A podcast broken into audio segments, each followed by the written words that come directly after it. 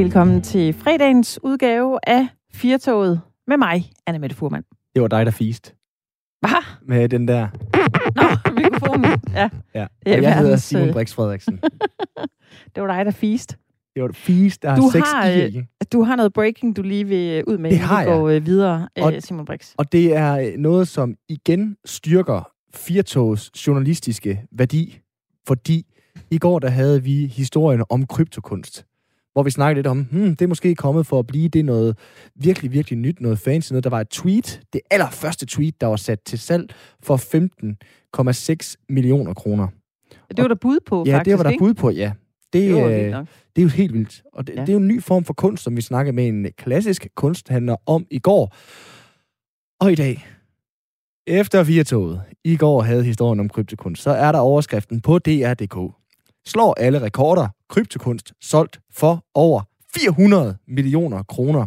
Kryptokunst sælges lige nu for svimlende millionbeløb. Der er tale om Bibels kryptokunstværk, som hedder Every Days, The First 5,000 Days, som er blevet solgt for, hold nu fast, 430 millioner kroner af auktionshuset Christie's i New York. Hold nu op. Det er vanvittigt! Det er da fuldstændig Og det- sindssygt. Og det betyder altså, det er et digitalt mm. kunstværk. Ja. Hvor er det vildt, mand. Det er helt vanvittigt. Det, jamen, jeg Jeg har ved- ikke mere at sige. Øh, Nej. Nej. Jamen, der er heller ikke meget mere at sige til Nej, det andet end, øh, det er altså- jo for vildt. ja, altså man kan sige, at kunstværket består, lidt som navnet siger, The First 5,000 Days, det består af billeder, der er lavet de sidste 5.000 dage. Mm. Det har taget 14 år at lave. Så man kan sige, hvis man skal regne hans timeløn ud, 37 timer, 14 år, det er ikke 430 millioner, det er jeg godt med på, men der, men han har trods alt investeret en anelse tid i det. Det må man sige. Men øh, så kan han nu købe sig en Sydhavsø for de penge. Ja, ja, Ja. det kan han da ellers starte forfra. The next 5,000 days. The next two Præcis. hours, der har vi radio til Ja. lytterne. Er du sindssyg, vi har radio? Vi kan vel godt på en eller anden måde kalde det krimifredag. Fordi øh, det har på en eller anden måde øh, flasket sig sådan i programmet i dag, da vi skulle forberede det, at vi har øh, vi kommer omkring noget underlødig krimi, narko. Ja, banditter, politimænd. forbrydelser. Vi skal allerførst i den her time tale med øh, René Dahl Andersen, som øh, var en del af narkopatruljen i øh, København gennem 20 år. Han har skrevet en bog, der hedder Hærdet. Mm. Den er vild, kan jeg godt sige dig. Øh, ham taler vi med senere i, øh, i den her time. Og så i næste time, der skal vi tale om øh, forbrydernes svar på, hvad vi, kan kalde det Facebook. Måske er det Snapchat. Men øh, det er sådan, at øh, forbryderne, de bruger sådan en krypteret tjeneste, en øh, chat-tjeneste, i de organiserede kriminelle netværk i Europa, som de kan kommunikere over, fordi der har politiet svært ved at øh, fange den. Vi skal tale med en forsker i kriminologi, fordi der er kommet et skred i det. Der er simpelthen kommet en kæmpe, kæmpe sag, fordi at øh, det lykkes politiets hackere at få adgang til den her krypterede tjeneste, også her i Danmark. Så øh, det er ligesom den lille ramme, vi har til at kalde det her for øh, krimitoget i dag. Tror du, vi kan tale med René om det? Ja, det er Altså, lige før. Det, det, jeg du, tænker øh, næsten, han må vide Han et har andet om jo det. øh, også været undercover betjent. Altså, så øh, han kan jo nogle tricks og noget, øh, nogle tips. Det kan være. Du har øh, kaldt ham nærmest Danmarks James Bond. Det står der på forsiden af Ekstrabladet. Han er på forsiden af Ekstrabladet Okay, så det er ikke dig? Nej, der har de skrevet Danmarks James Bond. Men okay. Det er faktisk også den følelse, man øh, får, når man læser bogen. Med et mix af Hill Street Blues- med et mix af Homeland, ja. med et mix af Sherlock Holmes, fordi de bruger godt nok nogle kreative metoder for at, øh, at arbejde. Vi starter lige så sexet, fordi vi skal starte med at tale om Rigsarkivet, som flytter. Jeg har en lille følgetong, som øh, jeg tænker, vi lige skal øh, indvige lytterne i. Ja. Fordi at, øh, det er jo sådan, jeg har jo givet min krop til videnskaben. Øh, jeg har været med i rigtigt. en undersøgelse på øh, Regionshospital Nordjylland. Mhm. For, øh, altså, og øh, forskningsprojektet hedder slet og ret Undersøgelse for rektal SARS-CoV-2 udskillelse i danske covid-patienter og identifikation af mulig falsk negativ SARS-CoV-2-testede indlagte patienter. Du tog en for holdet på Ja, den, det gjorde Brix. De har Hvordan- simpelthen brug for nogen, der enten ville pode dem selv bagfra, ja. altså rektalt i endetarmen, Mm. eller pode deres egen afføring. Jeg valgte mulighed A, simpelthen at pode øh, mig Hey. selv. Ja. Okay. Aha. Og øh, vil du afsløre, hvad testen Jeg kan siger så? afsløre, Fordi det er jeg da lidt interesseret i. at svaret er negativt Nå, er for godt. coronavirus. Det, der er fidusen i det her, det er, at man også vil kunne spore coronaen relativt langt tilbage frem for de øh, nuværende PCR-test. Det er noget, som man har... Øh, øh, adopteret og vil kigge på, fordi de startede med at gøre det i Kina, så man vil kunne, ligesom kunne se, har Simon eller andre fået antistofferne tidligere forløbet ved at lave den her øh. Øh, Jeg synes bare, det er... Ja, ja det, det er fornemt, at, øh, at jeg dels ikke har det, og dels at man kan finde ud af det her. Ja, og tak, du... fordi du meldte dig frivilligt til at være den her fra holdet, der, øh, der tog den test. Det er jeg glad for. Det var i en, øh, en højere sags tjeneste. Det er det nemlig. Skal vi ikke uh, sige velkommen indenfor til uh, fredagsudgaven af Firtoget? Lad os gøre det. Rigsarkivet er ved at flytte. Jeg prøvede lige at øh, teste af på dig, Anna inden vi gik i gang, øh, om vi skulle tale med Jesper Klein til hø til hø, fordi at øh, Pyrus, julekalenderen, de mange julekalender med ham, der har Jesper Klein jo den bærende rolle som rigsarkivar på Rigsarkivet osv. Det forstod du slet ikke, men Nej, øh, det kan være, for jeg har ikke set Pyrus. Asger, Svane, Asger Svane Knudsen, som vi skal tale med nu, han har øh, lidt øh, bedre styr på, hvem det er. Rigsarkivet de er nemlig ved at flytte siden 1582. Så har det ligget på Slotsholmen, der hvor Christiansborg ligger, og nu til Kalvebod Brygge. Og du kender det måske fra dig selv, hvis du skal flytte, så dukker der lige pludselig noget op, hvor du tænker, gud, den har jeg aldrig set før. Så forestil dig lige, hvad der kan dukke op, hvis du har boet det samme sted i de her 439 år. Velkommen til programmet, Asger Svane Knudsen. Tak skal du have. Du er specialkonsulent og bevaringsteknisk koordinator, som det hedder på Rigsarkivet i København. Ja, I sidste... det, er det er en lidt tung titel. Ja, det, det er en god lang titel. Det er noget af et visitkort, du må have. du har en plakat. ja, gerne. Asger, i sidste uge, der gik uh, dig og din kollega og pakkede nogle uh, lovsamlinger ned, og så var det, I fandt noget. Hvad var det, I fandt? Det er rigtigt. Vi gik og, og kigge igennem nogle lovsamlinger, som faktisk har været en del af vores bibliotek, som jo også er århundreder år gammel. Øh, og så fik vi kigget i et lille hæfte med nogle trygte lovtekster, og pludselig så ser vi, at der på de sidste sider, der er skrevet noget i hånden. Der er simpelthen afskrevet nogle, eller skrevet nogle lovtekster. Øh, og de er så signeret Christian. Og så står man pludselig og tænker, Gud, det kunne være, at det var selveste Christian den 4., der har skrevet de her tekster. Og, og det var sådan en hurtig strøtanker, der kom op i os, og øh, det har vi så læggende sådan i skyen over hovedet, øh, som noget, vi skal kigge nærmere på, øh, når den nu kommer øh, herover til Kalvebod Brygge med, med flyttefolkene. Det lyder jo helt vildt, Asger. Altså, det, ja. altså, når I kigger på det, tænker I så, det her, det er håndskriften fra en konge, eller, eller hvordan er det, I støder på det? Øhm, vi, vi støder så til på det, fordi vi kigger igennem alle de her for at finde ud af, er det noget, der skal flyttes med over, eller tale om arkivalier, mm. eller er det mere en tryksager og sådan noget. Øhm, og jeg vil sige, vi har jo alle sammen, der er ansat i arkivet, jo tit set ting, der er underskrevet af konger, men det her, om, hvis det nu var en ny ting, så var det da sjovt, øh, at, at det måske lige præcis var fra Christian den 4. Øh, så. Asger, hvad, hvad står der på det, du, øh, du fandt? Eller det, I fandt? Ja, det er jo som sagt en, en samling af lovtekster helt tilbage fra starten af 1600-tallet. Og, og det, der er, er skrevet, det er ikke personlige ting. Det er lovtekster, øh, herunder blandt andet en forordning om munke og jesuitter, som sig hid ind i riget hemmelige begiver. Og den er fra 1624. Og der vil man ikke have alle de der prædikanter nede for de katolske lande med alt deres... Dengang synes man, kætter skal tale. Så, så bare lige for, øhm. for prins Knud, altså, hvad betyder det? Forordningen her, ja. ja, det var en, for, det var en forordning, øh, og, og nu er den jo håndskrevet, så jeg ved faktisk ikke, om det er blevet til en reel lov endnu, eller om det har været et udkast eller sådan noget. Men det er en forordning, hvor man ligesom prøver at øh, begrænse, hvor meget munke og jesuitter, og det er jo katolikker, mm-hmm. som kommer over grænsen, hvor meget de må få lov til at præge. Øh, Christian den 4. han var jo rigtig protestantisk, og han øh, hævdede den protestantiske kirke, og katolicismen, det var ikke hans kop te. Tværtimod var det noget, han prøvede at holde ud på strakt afstand. Det var ikke rigtig velset i Danmark. Der var ikke religionsfrihed. Hvor stort er det for sådan en øh, som dig, som øh, et eller andet sted jo øh, vandrer langs historiske tekster til daglig, og så at finde sådan noget her? Altså jeg vil sige, både Christian den 4. og Margrethe den første, det er jo nok vores mest ikoniske og berømte øh, historiske regenter. Alle kender dem jo af, af navn, og sikkert også nogle af de ting, jeg har efterladt sig. Og hvis det er rigtigt, at det her er skrevet af Christian den 4., så vil det være rigtig, rigtig interessant. Bare takten op det, det kan jo få det til næsten at give det i en. Øhm, men vi må jo så lige se, om, om det holder vand eller ej.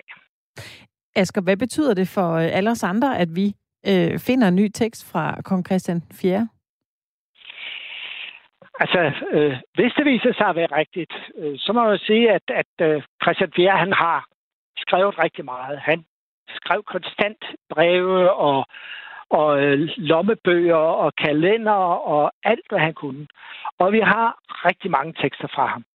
Så man kan sige, en lille, hvis det viser sig rigtigt, at der er en lille ekstra tekst fra ham her, er det ikke noget, der vil ændre vores, vores øh, Danmarks historie og heller ikke vores opfattelse af Christian den 4.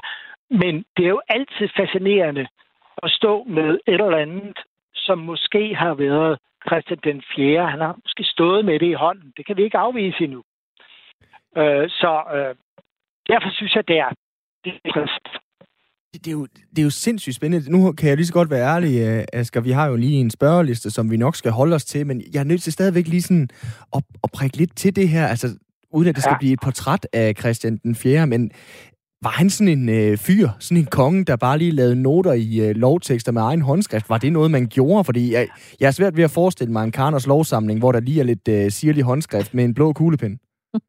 Nej, nej altså, øh, men der er det specielle ved, ved Christian 4. Han skrev så meget. Hans søn, Frederik den 3., han skrev næsten aldrig noget. Jeg tror, det har for Christian den 4. har været sådan en... Øh, øh, når der var pauser, når han kørte i en karet eller øh, sad øh, et eller andet sted, sådan sine egne tanker, øh, så tror jeg, at han har skrevet rigtig, rigtig, rigtig meget.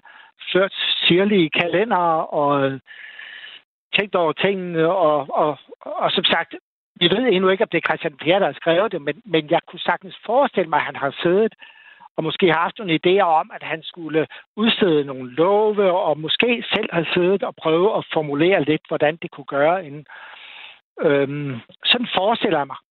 Mm. Men øhm, i forhold til jeres øh, flytning, Asger, altså man kender det jo for sig selv, ikke? Når man har boet noget øh, et sted på år, så ja. samler man jo vildt meget sammen, helt uden at man øh, prøver på det.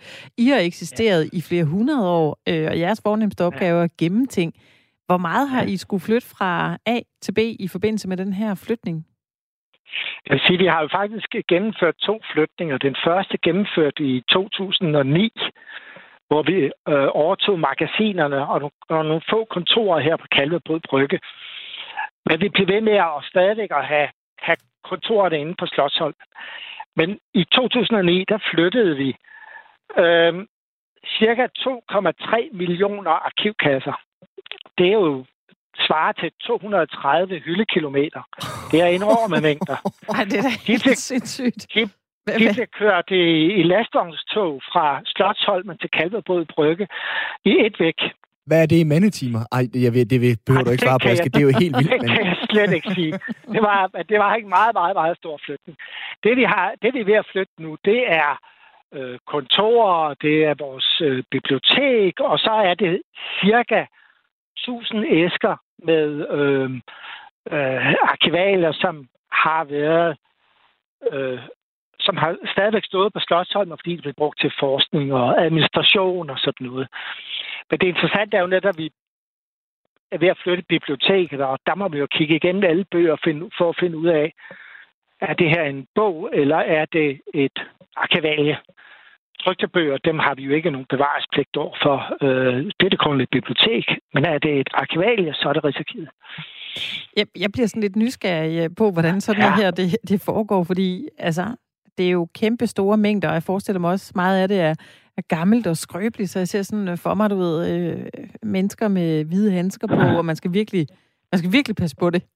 Fordi ja. det her kan jo ikke gå tabt. Hvordan foregår sådan en flytning? Altså, det foregår ved, at man selvfølgelig lige besigtiger øh, de arkivalier, vi har. Øh, og der, det er rigtigt, der er nogle af dem, der er lidt mere skrøbelige end andre.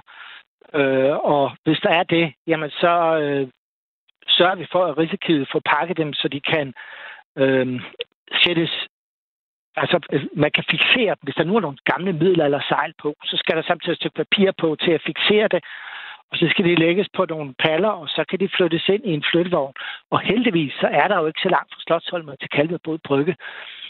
Så det er faktisk gået uden, at øh, der er meget bekendt er sket nogle skader. Der var en enkelt gang, hvor der kom lidt, lidt brød på nogle æsker, men det var kun på æskerne, så vi kunne bare skifte æskerne ud, og så var der ikke, det ikke mere. Men det er nok, fordi det har været en, en ret kort køretur. Men skal det der ikke er... enormt meget sikkerhed til os, øh, når man skal flytte sådan noget? Altså, det er jo kostbare ting, I også flytter, det, der det har, har meget værdi. Ja, helt sikkert, og derfor kan man sige, at de flyttefolk, der er der, de er jo også blevet særligt godkendt til at kunne gennemføre det her. Øh, og der er altid minimum to mand i, i flyttevognen, fordi sker der nu et, et trafikuheld, så er der nogen, der skal sørge for, at der ikke er nogen, der begynder at tage ting ud af vognen og sådan noget. Øh, så der er absolut øh, sikkerhedsforanstaltninger på. Øh, så vi virkelig passer på alt, hvad man overhovedet kan. Jeg er simpelthen nødt til næsten at have dig til at være lidt mere konkret på det, fordi det er jo ikke, det er jo ikke kaffekrus, der går i stykker, som hvis jeg flytter. Nej. Øhm, altså, Nej. Hvordan går I til det sådan helt øh, lavpraktisk, udover at I sikrer jer, at I er øh, to personer, og, øh, og I sørger for, at det er sirligt pakket ned og sådan nogle ting der. Hvad gør I helt konkret? Fordi et eller andet sted er det jo historiens vingesus, I også slæber rundt på. Det er vi, og det er vi absolut godt øh, meget, meget, meget bevidst om. Men jeg vil sige, meget flygtninge, dem, dem vil ligne de fleste øh, flytte, eller flytninger, man kan forestille sig, fordi de ting, vi har, bliver jo pakket ned sirligt. Øh, arkivæsker, hvis, for dem, der har været på et arkiv, vil, vil, vil kende dem, de er, er jo i den gammeldags foliestørrelse eller en af fire størrelse. Og der ligger arkivalierne ret tæt og godt beskyttet. Så dem kan man bare komme i flyttekasser, og så kan de flyttes ind i vognen, og derfra transporteres videre. Øhm, og der er selvfølgelig lås på, og det er ikke øh, øh vogne med, med, med præsendinger henover. Det er lukkede godsrum. Så øh, det foregår øh, meget sikkert. Og det var ret store lastbiler, der vil køre afsted. Og så bliver de selvfølgelig, når de kommer ind i vognen, jo spændt fast, så de ikke kan ligge og rasle rundt. Ja, det tænker jeg nemlig også. altså, fordi ja, når man, når ja, man ser ja, nogen, ingen ja. Øh, postfirma er nævnt, ingen glemt, men hvordan de kaster rundt med nogle af deres kasser, ja. det forestiller jeg ikke, I gør. Grib lige den her ting nej, for nej, 400. Nej, der kan jeg love dig for. Det er meget betroede flyttefolk, der får lov til at gøre det. Og i, i og med, at de har været med til så store flytninger, så, er de, så ved de præcis, hvad de har med mm. at gøre. Præcis.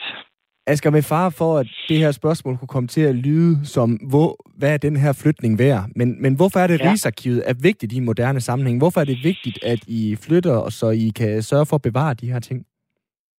Jamen, det er jo det, det er helt super relevant og godt spørgsmål.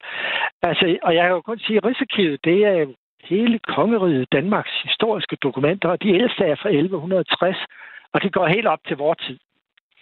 Øhm, og Derudover så har vi jo i Danmark siden 1960'erne også indsamlet data fra hele den offentlige forvaltning. Og jamen, det er Danmarks historie. Det er den fortid, som vi som befolkning i Danmark har et fællesskab om. Øh, ligesom vi har et fællesskab om vores sprog og vores geografiske landområder, og vores kongehus og regering og folketing, folkekirken, almindelig kultur, og så kulturarven i museer, biblioteker og arkiver. Og der er Rigsarkivets samling jo en af grundstenene i vores samvær som en nation. Og så vil jeg øvrigt sige, at alle de mange data, som øh, Rigsarkivet har, øh, ja, de kan jo både informere og underholde, men i de her år, der arbejder Rigsarkivet faktisk meget målrettet på, at de meget store mængde digitale arkivalier bliver bragt i spil til øh, grupper af aftagere inden for sundhed og samfundsvidenskab, så vi kan skabe ny viden, der kan bruges i den måde, vores samfund i dag øh, fungerer på, og måske på en endnu bedre måde, end det gør i dag. Tak, fordi vi måtte øh, tale med dig om det her. Asger, det øh, lyder altså virkelig, virkelig spændende og godt. Ja, I passer godt. så godt på det. på øh, Rigsarkivet. Skal du have en fortsat god fredag? Jo, tak. I lige måde. Det var Asger Svane Knudsen, der er specialkonsulent og bevaringsteknisk koordinator på Rigsarkivet. Nå, Anna Mette. Der skal spilles en hulens masse fodbold i uh, den her weekend. Der skal spilles en masse ishockey. Faktisk kan vi lige markere, fordi vi er live radio aktuelt program. I dag der starter alle kvartfinalerne i ishockeyen. Bedste række. Så, uh, ja. så er det i hvert fald lige givet videre. Men der er ikke nogen tilskuer. Der er ikke nogen tilskuer over det hele. Det ved vi godt, det er ikke nogen nyhed. Til gengæld, så har jeg en nyhed fra Rusland. Der er jo lidt snak derover om øh, vaccine, ja. og hvordan det skal foregå.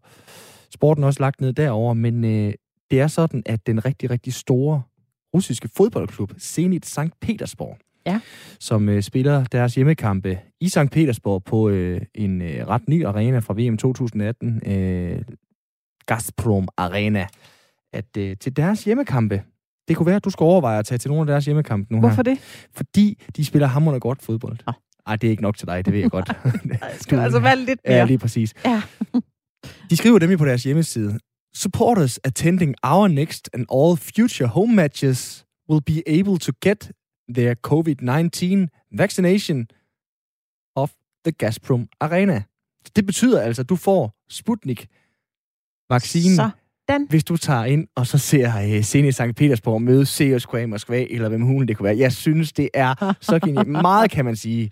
Men Putin, han er altså en mand, der får gjort ting. Altså, det, gjorde, det er virkelig... Sådan, der bliver sat sving i det der. Det, det er ja, roll, ja, jamen, vi parkerer lige AstraZeneca-vaccinen der, så vores liv, det kommer først til at rulle en gang til sommer. Der er 15. august, der er den nye fuldt færdigvaccinerede vaccinationsdeadline. Men nej, Putin, det bliver sgu bare delt ud på fodboldstadion. Så, så, Sådan. Der. så øh, man, må kun, man kan kun respektere den service, som mod Rusland og fader Putin han øh, mønstrer her, og som den fodboldklub. Jeg synes, det er... Det er så skørt. Det giver jo ingen mening. Så står du der i kø til... Øh, ah, nu er det selvfølgelig Rusland, så det er måske ikke øh, fadet, men du står i kø til øh, vodka. Øh, og så får du også lige et stik. Ja. Altså, jeg kan lidt godt lide det, um, på en eller anden måde. Det er skørt. Oppe i det nordiske, hvor jeg kommer fra, der hedder en stadionplatte en øh, Rasmus Würst, fordi vi okay. havde en spiller i OB, der hed Rasmus Würz, og øh, så kunne man lige spille lidt på det. En øh, Sputnik-platte. Der får du Putin. Ja, der får en Putin-platte. Det er altså en Sputnik-vaccine, og så ellers var jeg håbet om, at der er en god fodboldkamp til dig. Jeg synes, det er genialt. Altså, jamen... Kom så, Magnus Heunicke. Ja, Kom med præcis. noget øh, i stil med det. Please bring, Ej, please bring your passport and your national health card, and you'll be required to be seen by our medical professional for approval before the vaccination. Sådan. Det er skide godt. Vi giver den videre til ja, Magnus Heunicke, gør ja, vi ikke det? Kom i gang, Magnus Heunicke. Han er Næstved-fan. Det kan være, han kan lave den her event, hvor Næstveds kampe i anden division, de bliver inklusive vacciner. Det trækker altså folk til 20.000 til Næstveds kamp. Det har der ikke været, siden Klør Konge var knægt. Hold, hold. Vi stopper her.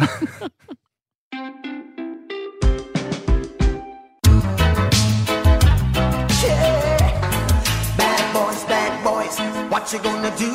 What you gonna do when they come for you? Bad boys, bad boys. What you gonna do? What you gonna do when they come for Vi skal på en øh, vi skal på en tur nu, øh, Simon Brix. Vi skal ja. tale om en øh, ny bog, der kom på gaden i går. Den er vild, kan jeg godt sige dig. Den er virkelig vild. Den hedder Hærdet, narkopatient med gaden i blodet. Og om lidt skal vi øh, tale om øh, om ham det hele handler om. Manden bag, der hedder René Dahl Andersen, som øh, tidligere narkobetjent hos Københavns Politi. Det er altså en bog på 470 sider. Og det er lidt ligesom at læse en, øh, en dagbog, hvor mens du læser den, tænker, what the fuck? Undskyld, jeg banner. Men det er virkelig vildt, det der står.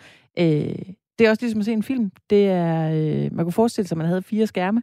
På den ene skærm er der Homeland, på den anden er der Hill Street Blues, på den tredje er der Sherlock Holmes, og på den fjerde er der James Bond. Det er sådan en mix af det hele. Øh, og faktisk kan man jo se René på forsiden af Ekstrabladet i dag med titlen Danmarks James Bond. Så skal vi ikke bare sige øh, velkommen til Danmarks James Bond. Hej René. Hej med jer. tak for, at jeg var med.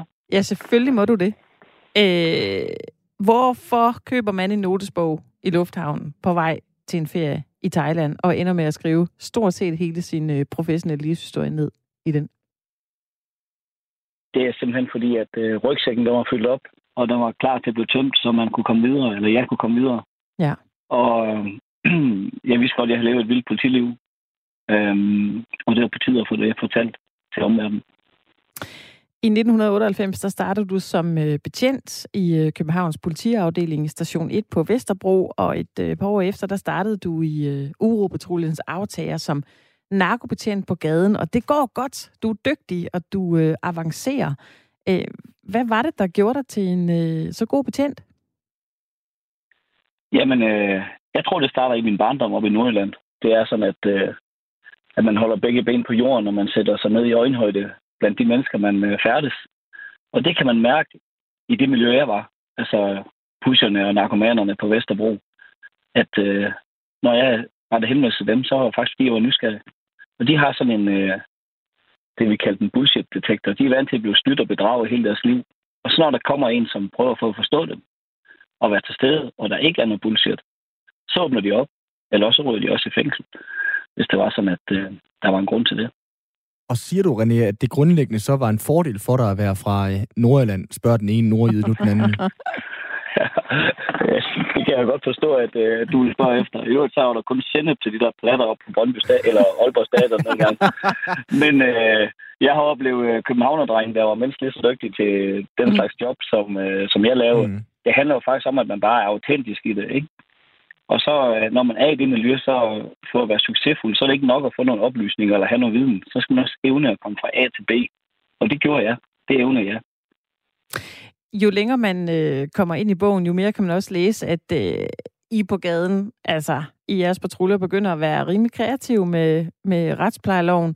Det er noget med at betale jeres meddeler med, med narko eller med penge for at få øh, informationer fra dem. Hvorfor gør man det som betjent, når man godt ved, at det er både forkert og strafbart?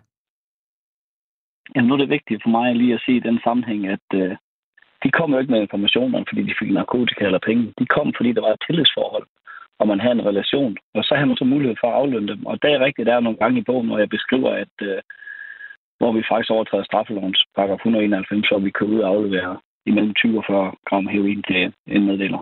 Mm. Og det retfærdiggør man ved, at det er sådan, at når man laver det der job, så er det øh, nok i Danmarks hårdeste miljø. Og dem, der presser de der stakler på gaden, altså misbrugerne, til enten at pushe deres stof, det er dem, der skal i fængsel. Det er jo ikke misbrugeren, der har et afhængighedsforhold til heroin eller narkotika. Så det er for at få dem stillet til regnskab. Mm. Lad os lige klippe til øh, 20 år efter du startede som øh, betjent, hvor det jo går godt, og du har virkelig hjerteblod til faget. Det er helt sikkert, at, øh, at det er med hjertet forrest, når du, øh, når du tager dit, øh, dit øh, officielle tøj på som, øh, som betjent, selvom det er undercover med hoodies og hvad I ellers øh, går rundt i. Men øh, der er det, du kommer til at stjæle nogle meget dyre designerlamper, som øh, stod til at skulle smides til storskrald. Dem sælger du, og så får du en, øh, en del penge. Hvad skete der egentlig op i dit hoved på det tidspunkt, hvor du tænker, ah, det går sgu nok. Der, der er ikke nogen, der opdager, at jeg tager de her lamper. Jeg vil med, at du siger, at jeg kom til. Det er jo ikke noget, man kommer til. Tak fordi du vil beskytte mig, men jeg begik, jeg begik en fejl. Øh, og det gjorde jeg simpelthen, fordi at jeg tror jeg, og det er en grund til, at jeg skriver bogen for at finde ud af, hvorfor begik jeg den fejl. Jamen, øh, jeg var et sted, hvor det gik stærkt, og vi navigerede i en masse dilemmaer. Og øhm, så står jeg der, og så skulle de faktisk smides ud, de der første lamper, jeg tog. Og så tager jeg en beslutning om, det kunne jeg ikke leve med, de skulle. Og så tager jeg dem med hjem. Og så blev de vurderet til en alt for høj pris, og der kunne jeg ikke overskue, at de skulle tilbage. Og så vælger jeg at få dem solgt. Det er mit livs fejl. Dit livs fejl? Hvorfor det? Ja, fordi jeg mistede mit job og min identitet og min øh, drengedrøm. Øh, jeg vidste jo godt, det var forkert. Men øh, jeg tror, det er en blanding af hårdmod og frustration imod øh, et system, der var begyndt at handle mere om, øh, at man skulle generere journalnummer og statistik og måltal, i stedet for, at man skulle stille folk til ansvar for den kriminalitet, de begik. Og at man glemte øh, politibetjenten på gaden og politikvinden. Var det så, sådan, du retfærdiggjorde det, René? Var det sådan, du retfærdiggjorde det? Nej, for jeg retfærdiggjorde ikke noget. Altså, det var en beslutning, der tog mig 40 sekunder at tage, da min uh, kammerat han ringer og siger, at de er altså blevet vurderet til rigtig mange penge, mm. dem her. Uh, og det var over 25.000, det skal ikke være en hemmelighed for lytteren. Uh, og så siger jeg, at så var snebolden begyndt at løbe, så skulle jeg til at stille dem tilbage. Og så ville snebolden måske løbe videre, og jeg ville miste min sikkerhedsgodkendelse. Og jeg kunne ikke øh, være i den verden, jeg elsker at være i. Altså, jeg var kildefører og havde mange kilder i det kriminelle miljø, og jeg havde som fisk i vandet det job, jeg lavede. Så tænkte jeg, der er så meget andet. Der er fuldstændig, øh, undskyld sproget, man fucked op i det her system. Mm. Så, det, så det er også en slags erhvervsskade, eller hvad? Ja, jeg er blevet, øh, jeg er blevet påvirket og skadet af at være i det miljø i øh, så mange år. Altså, det er jo vildt interessant for mig, det her, fordi nu kommer jeg til at bore i det, og det er måske bare fordi, at du er et menneske, der taler til et andet menneske lige nu, så jeg prøver at finde, øh, finde forklaringer. Men et eller andet sted, den der selvbevidsthed, du bliver ved med at nævne her, øh, René, du sagde det også i starten af interviewet, du vidste godt, hvad det var for en verden, du begik dig i, og du vidste også godt, hvad du kunne i den verden, og du vidste også godt, at det her var forkert. Havde du den selvbevidsthed hele tiden, så du ikke havde brug for at finde undskyldninger for, hvorfor du lige øh, nappede nogle lamper til 25.000. Det vidste du godt, det var bare noget lort. Jeg vidste jo godt, det med lamper var noget lort. Men det andet synes jeg jo ikke var noget lort. Vi skulle stilles til regnskab, og det var derfor, at vi navigerede og arbejdede, som vi gjorde. René, øh, du ender jo med at blive øh, anholdt af dine egne kollegaer, fordi du har øh, stjålet de her lamper, og du er sigtet for tyveri. Kan du ikke lige kan du ikke lige prøve at, at fortælle, hvad der skete den dag, når man som en betjent som dig, der har øh, så stor kærlighed til dit fag, selv bliver anholdt? Jo, for det første, så, øh, så jeg, jeg mister, følger jeg, altså det var der, mistede min identitet den dag. Mm. Hvad sker og, der? Øh, jeg har bragt mig, jeg har bragt mig selv i en dårlig situation. Der sker det, at der kommer tre kollegaer, hvor jeg kendte de to. Øh, og så har jeg jo min handling været med til at sætte dem i en virkelig penibel situation. Det var heller ikke fedt for dem at komme hjem til mig og sige, René, vi er nødt til at tage dig med. Du er anholdt, du skal ind og tale med duben.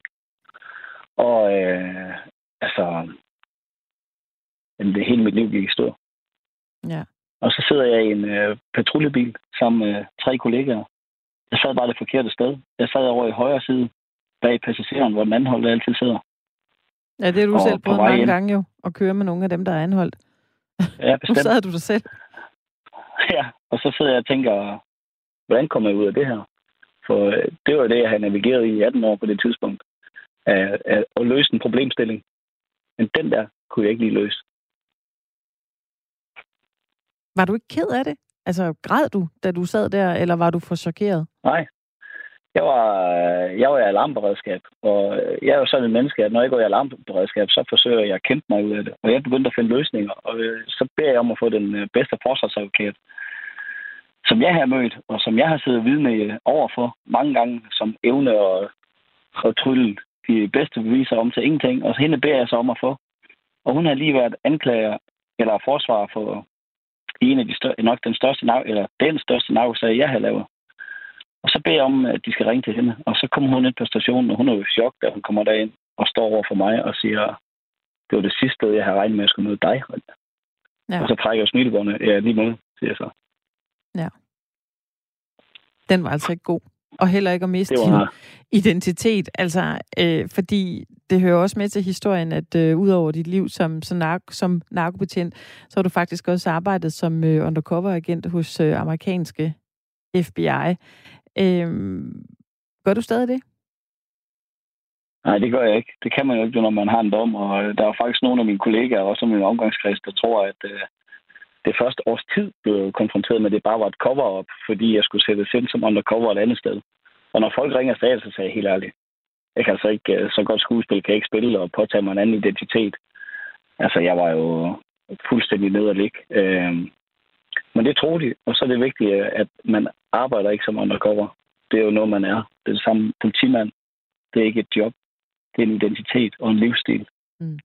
Altså, det er 24-7. Da du var undercover-agent dengang, så vågnede du op og øh, tænkte, nu er du øh, den René, der færdes i det her betændte miljø og skal sørge for at være øh, narkobaron, og jeg ved ikke hvad, bedste ven, eller hvad? Ja, det er rigtigt. Men jeg var ikke René. Jeg var en anden udgave af ham. Mm. Altså, jeg havde en anden identitet. Men jeg var tæt på, hvordan jeg var i virkeligheden. Jeg kunne ikke lægge mine nordjyske aner fra mig og min kærlighed til fodbold og mad. Øh, så den var jeg nødt til at tage med ind i den identitet. Øh, jeg hed noget andet, og jeg havde en anden, øh, det der hedder en legende, en anden baggrund. Mm. Så der var jeg på arbejde 24-7 og navigerede i det. Når jeg så kom hjem til København og lagde mine andre papirer ind i skabet ned på Station City, det var det gamle Station 1 på Halmtorv, Mm. Så tog jeg mit eget kørekort, mit politiskilt og mit eget tøj på. Og så sad jeg på min gamle øh, havelåg og cyklede hjem til Frederiksberg. Så var jeg René igen. Så skulle jeg lige omstille mig. Og så dagen efter stod jeg nede i Istegade og tog øh, afrikanske pusher på at sælge kokain. Men hvordan, hvordan hulen kan man tænde og slukke for den knap? Altså også hvis du skulle hjem til øh, mor eller fars øh, kødgryder i øh, Nordjylland for eksempel. Altså, er det bare er det det, du er uddannet til, så at sige? Bare at sige knips med fingeren. Nu er du øh, René fra øh, Vendsyssel igen. Jamen, jeg var jo også, øh, jeg var ikke René fra Vendsyssel, jeg var bare Joe fra Vendsyssel, når jeg var i en undercover-identitet. Øh, men jeg forstår godt, hvor du vil hen. Nej, man skulle omstilles, øh, og det brugte jeg motion til. Altså, okay. jeg renser ud ved at øh, dyrke motion. Mm. René, hvis vi lige tager en uh, tur tilbage til, til bogen, så uh, som jeg sagde før, så uh, føler man jo, når man læser den, at man, man læser i en dagbog, man ikke bør læse i, fordi du udleverer jo rigtig mange ting. Du er jo ærlig omkring dit uh, arbejde. Altså man kan jo sige, at du udleverer hele Københavns politi i dit bog. Hvor, hvor står du hen rent juridisk uh, lige nu, når den er på gaden, og alle kan læse det? Jamen, øh, for det første så vil jeg sige, at jeg udleverer faktisk kun mig i bogen det er vigtigt for mig ikke at udlevere andre, og, og det er fordi, jeg har en stor kærlighed til de kollegaer, der stadigvæk laver det job, og til det politi, som øh, jeg var en del af, og som jeg stadigvæk elsker, og som har en vigtig betydning. Så det var vigtigt for mig, da jeg skrev bogen, at jeg ikke ødelagde noget for nogen, hverken kollegaer eller systemer. Mm. Men det er også vigtigt for mig i bogen at fortælle min historie. Så juridisk har jeg gjort alt for at stå stærkt. Jeg har haft øh, tre jurister til at læse med på sidelinjen en af Danmarks skarpeste strafferets forsvarsadvokater. Og så har jeg haft øh, fire erfarne kollegaer med mere end øh, 15 års erfaring hver i dansk politi, og alle har sagt, der er ikke noget at komme efter. Og så for at være helt sikker, så sendte jeg et brev til Københavns politi og Rigspolitiet, da bogen er færdig, at nu har de en måned til at læse den igen og komme med eventuelle kommentarer og tilføjelser. Og det ønskede man ikke at deltage i. Og det er jo det, jeg ikke mm. forstår. Fordi det sidste, jeg ville, det var at ødelægge noget for nogen. René, hvorfor er din historie vigtig? Jeg synes, den er vigtig. Øh, den er vigtig for mig, fordi at, øh, jeg vil jo gerne forstå, hvordan jeg gik fra at være ham her, den unge dreng, der havde en drengedrøm om at komme over og gøre en forskel. Og gjorde det i, i mange, mange år. Og have øh, nogle gode og store resultater sammen med nogle fantastiske kollegaer. Til lige pludselig at sidde med i Københavns Byret og få en dom på 6 måneders ubetinget fængsel. Og med det er min egen historie. Det var for selv at forstå det. Og så vil jeg gerne fortælle Danmark og befolkningen og systemet, at den vigtigste ressource, der er i politiet, det er de mænd og kvinder, der søger ind. De søger altså ikke ind for lønnen. Den kan de få højere andre steder. De søger ind, fordi de gerne vil gøre noget for de mennesker, de møder på deres vej. Og når man har sådan et job, hvor man har med mennesker at gøre, så skal man sørge for, at det menneske, der udfører det job, selv er fyldt op som menneske så dur det ikke, når man, man øh, presser citronen for meget, som man har gjort de sidste mange år i Danmark, især med politifolk. Hvor er du hen i dag, René? Jeg arbejder som efterforsker i en øh, privat organisation, og bruger den erfaring og øh, den viden, jeg fik med fra, fra min knap 20 år i dansk politi. Mm. Og ikke noget af det, du skriver i bogen, kan kompromittere eller ødelægge det arbejde? Nej, det kan det ikke, fordi at vi er næsten i mål øh, med den opgave, øh, som jeg var sat til at løse. Og så første i syvende, så skal jeg ud og finde noget andet, der kan inspirere mig, og jeg kan finde noget passion i. Nu sidder jeg, eller står, og kigger ud af vinduet fra tredje sal i øh, Aarhus lige nu, og kigger på Arne Jacobsens øh, rådhustårn, og ser en politibil bank forbi. Hvad ja. tænker du, når du ser en politibil i dag, René? Jeg tænker, at jeg vil give alt på nær min datter, for at kunne komme tilbage til det job. Jeg har så stor kærlighed til det job og til de mennesker, der udfører det. Det forstår jeg godt. Og det forstår man også godt, når man øh, har læst en bog lige øh, her til allersidst, René. Hvis du skal give øh, folk derude et, øh, et godt råd til dem, der lytter med, hvad, hvad skulle det være? Det skal være, at øh, det menneskelige fejl. Og hvis man begår en fejl, så skal man stå ved den. Og så skal man forsøge at forstå, hvorfor man begik den. Og så skal man lære af den. Så skyde brystet frem og komme videre.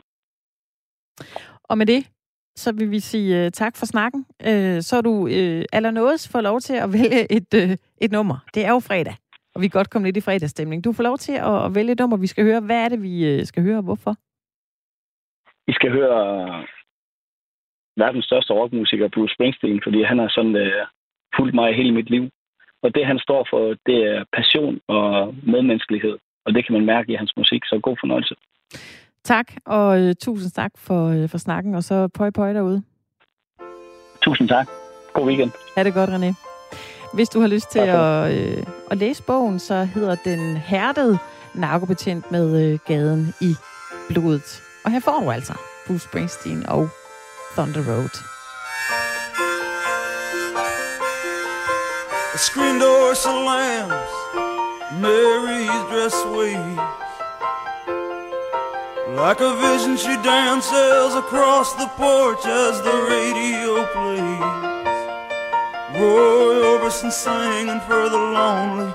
Hey, that's me and I want you only.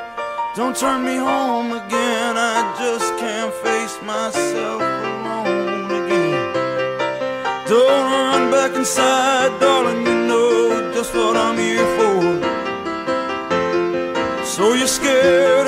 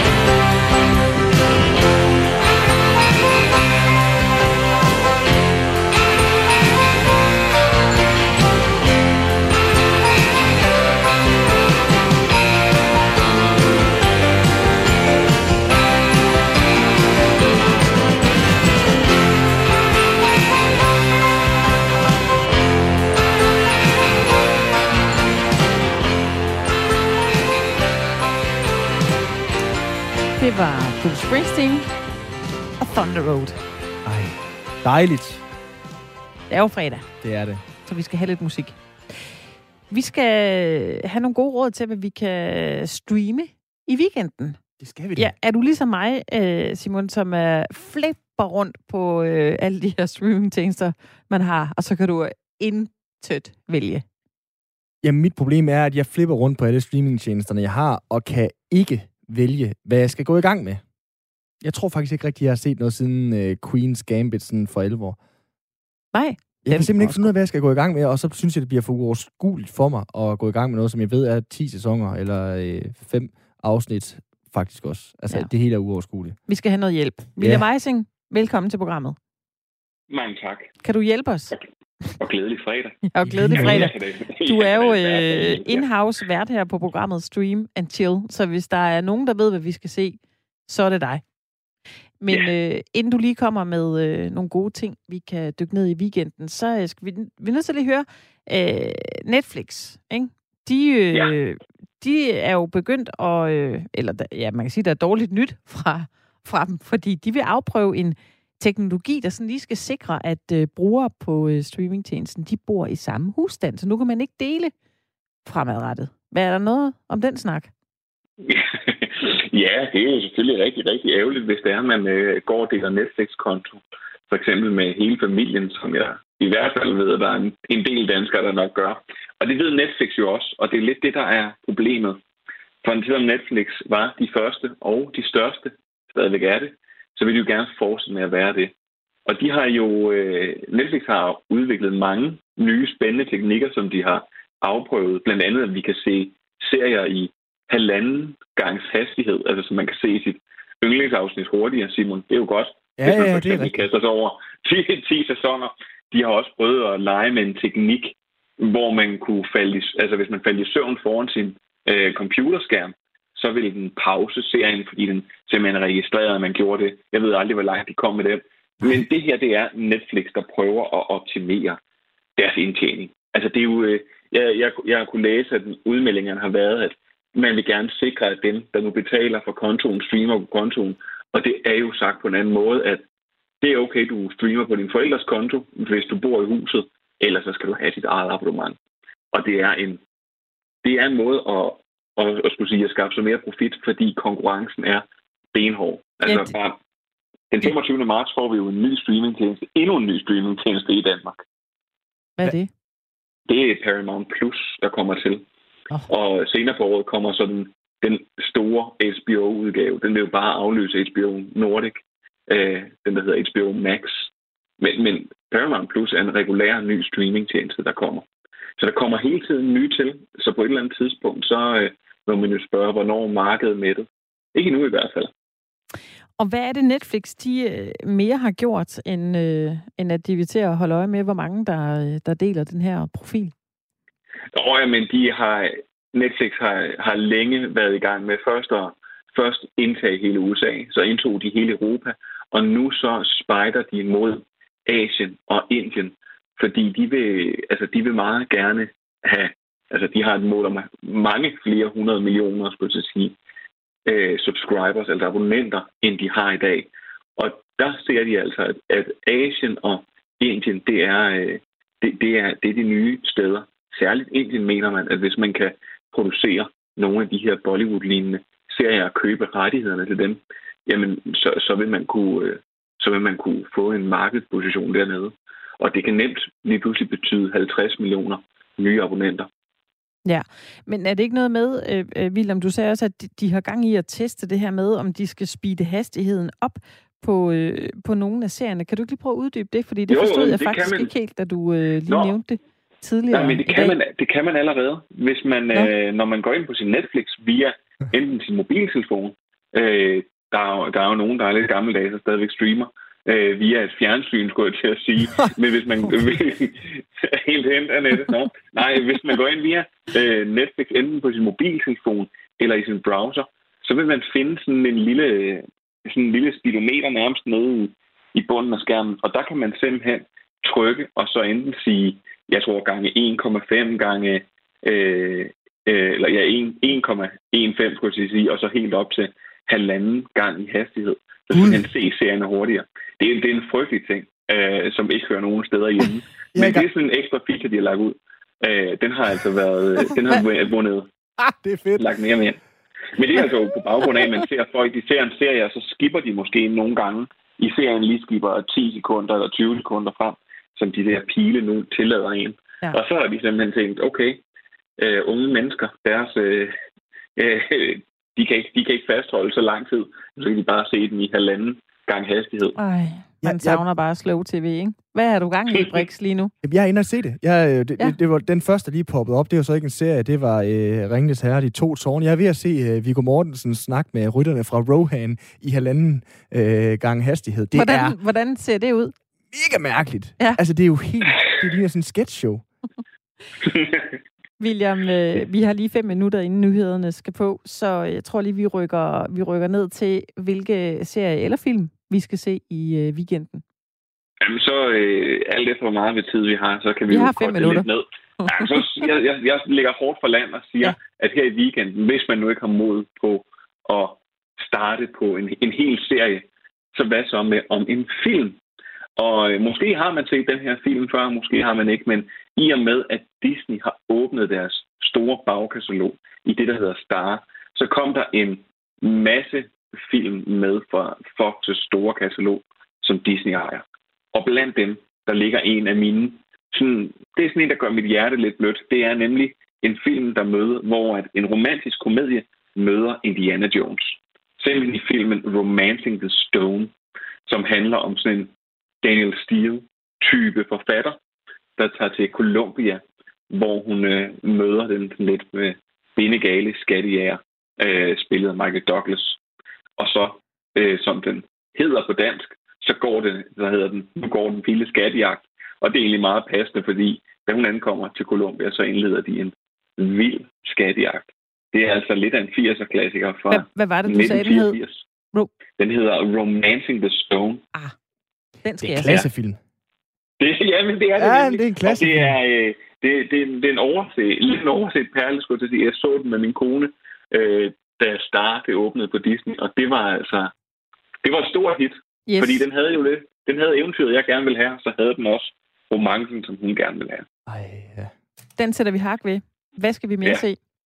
Ja, men så kan man gå på Netflix, og så vil jeg jo sige, at det er valgfrit, om man kan se den med halvanden gangs hastighed eller ikke. Jeg vil opfordre til, at man ikke gør det, men der skal man se den, der hedder øh, Manhunt, og så hedder den Unabomber.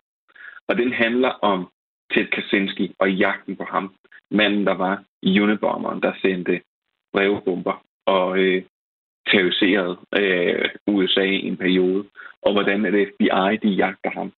Og det er med Paul Bettany i hovedrollen. Og det, han, øh, det er blandt andet ham, der lige har været aktuel i den serie, der WandaVision. Og det er en helt formidabel serie, hvis man godt kan lide serier for eksempel som Mindhunter, eller nogle af de her True Detective-sæsoner, der har været, så har den her lidt øh, af den, skal jeg sige, smag altså også. Og den er, det er en suveræn, suveræn god underholdning. Og det er faktisk en, der også har været lidt overset, fordi den jo netop kom på et tidspunkt, hvor der var mange andre meget hypede serier. Og den er sådan snedet sig ind på Netflix. Og den er altså fra 2017. Så det er, det er måske en, man er kommet til at overse. Men den er klart weekenden værd. Jeg tror, det er små 8-9 episoder. Det kan man godt lige oversætte, hvis der ikke sker så meget i Det weekenden. kan man godt. Uden at speed op. Ikke? Uden Ja, man kan jo ikke gå ud. Øh, du har halvandet minut tilbage, øh, William. Øh, du kan lige nå en Skal vi mere. den sidste en af? Ja, ved vi kan det lige nå en mere. På HBO Nordic, der finder man det, der sker, hvis når Superman og Lois, du ved, før i tiden, når rulleteksterne kom på, efter Superman han havde besejret skurken, så kan man så stille sig spørgsmålet, hvad ville der ske, hvis Superman og Lois, de fik børn? Og det er der sådan til, at der besvarer nu simpelthen sådan et familiedrama, involverende Superman og Lois Lane, som så har giftet sig, og så har fået to børn, som nu er halvvoksne teenage-drenge. Det er, det lyder virkelig, virkelig mærkeligt, og virkelig, virkelig skød. Men jeg må faktisk sige, at efter at have set rigtig mange dårlige serier her på det sidste, så var det her et, øh, et lyspunkt. Det er mere familiedrama, end det er en superhelteserie. Så på den måde, så er det en serie noget, nok både for ham og hende, Hvad hedder men den? var faktisk overraskende god. Den hedder Superman og Lois. Superman og Lois. Ja. William Eising, vi kan ikke nå at tale mere med dig. Vi skal have nogle nyheder på, men øh, tak for anbefalingerne. Og så øh, må du have en god weekend. Lige over. Hej. Det var William Eising fra øh, Stream and Chill, som man også kan høre her på kanalen. Man kan altid gå ind og finde nogle tidligere afsnit på radio4.dk. Firtoget er tilbage med meget mere.